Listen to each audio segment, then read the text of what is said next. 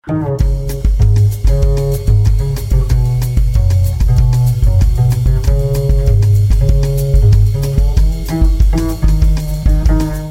kurioso bat, orain. Landare bat, Conium maculatum izenekoa. Bi urtez behineko landare belarkara, zuzena, bi metro arteko zurtoinarekin altueran, eta usain desatseginarekin.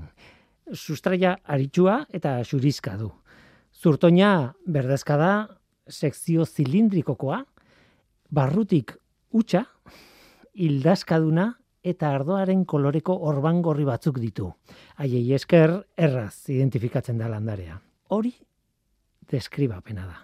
Horrekin deskribatu egiten dugu landare hau. Conium maculatum esan dut, baina aitortu behar dizuete. Izen horrekin nik neuk ere ez nukela rastorik izango asmatzeko zer landaretaz ari naizen. Orain, astaperrexila esaten badiate, zikuta, zikuta gaztelaniaz, orduan badakitzein den astaperrizila, landare bat. Landare buruz dakitenek askotan esaten digute gure inguruan oso ugaria dela, baina oso oso ugaria. Edo zein bazterretan topa daiteken landare bata.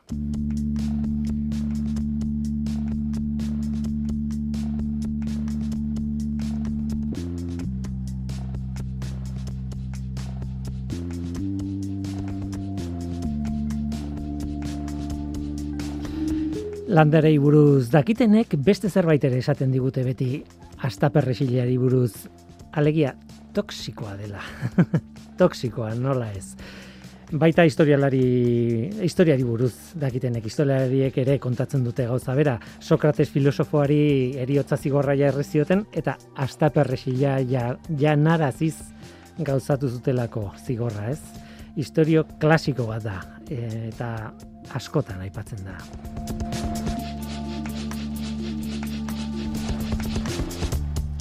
Astaperrixilaren pozoia azietan dago. Toxikoa den pozoi hori azietan ditu. Eba kantarela historialari italiarrak oso kontu bitxia kontatzen du Los suplicios capitales en Grecia y Roma liburuan. Berak esaten du astaperrixila landareak estatus bat eskuratu zuela zibilizazio klasiko haietan. Estatuko pozoia zen, nola baita esateko. Estatuak erabiltzen zuen pozoia jendea hiltzeko. Hasieran astaperrezilaren aziak txikitzen edo ireki egiten zituzten toksikoa edo zati toksikoa erauzteko eta pozoia prestatzeko. Ustez, minik gabeko eriotza mantxoa lortzen zen horrekin. Pozoiak nerviosistema paralizatzen du eta neke sentsazioarekin hiltzen da biktima.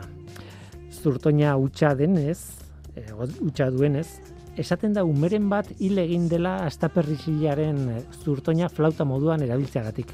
Jolasten ibiltzeagatik flauta bat izango baliu bezala, ba horrek hil egin du kasuren batean edo ume bat edo beste. Nola nahi ere, eriotza biktimaren gorputzaren temperatura jaitsita izaten da beti. Gorputza oztuta. Eta hor dator ba, Eba kantarelak kontatzen duen bitxikeria.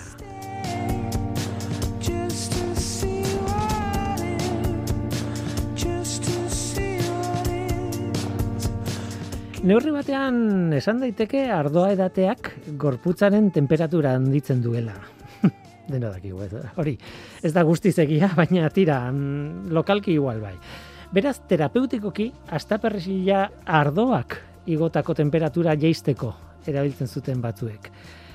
Eta kontrakoa, alegia, ardoa zikuta edo astaperrezilaren eh, kontrako antidototzat erabiltzen zen ardo antidoto bezala, ez dago gaizki ez. Eta anekdota bitxiena, hain zuzen ere historialariak kontatzen duena, historialarien hitzetan bertan irakurriko dizuet. Plutarkok dioenez, templuetan lapurretara hurbiltzen zirenek, astaperresil dosi altu bat hartuko zuten, atxilotzen bazituzten hiltzeko adinakoa, eta horrela, borrerotik ies egingo zuketen baina ardo flasko bat ere eramaten zuten haiekin. Lapurretak arrakasta baldin bazuen, edatean bizia salbatu eta aldi berean arrakasta ura ospatzen zuten.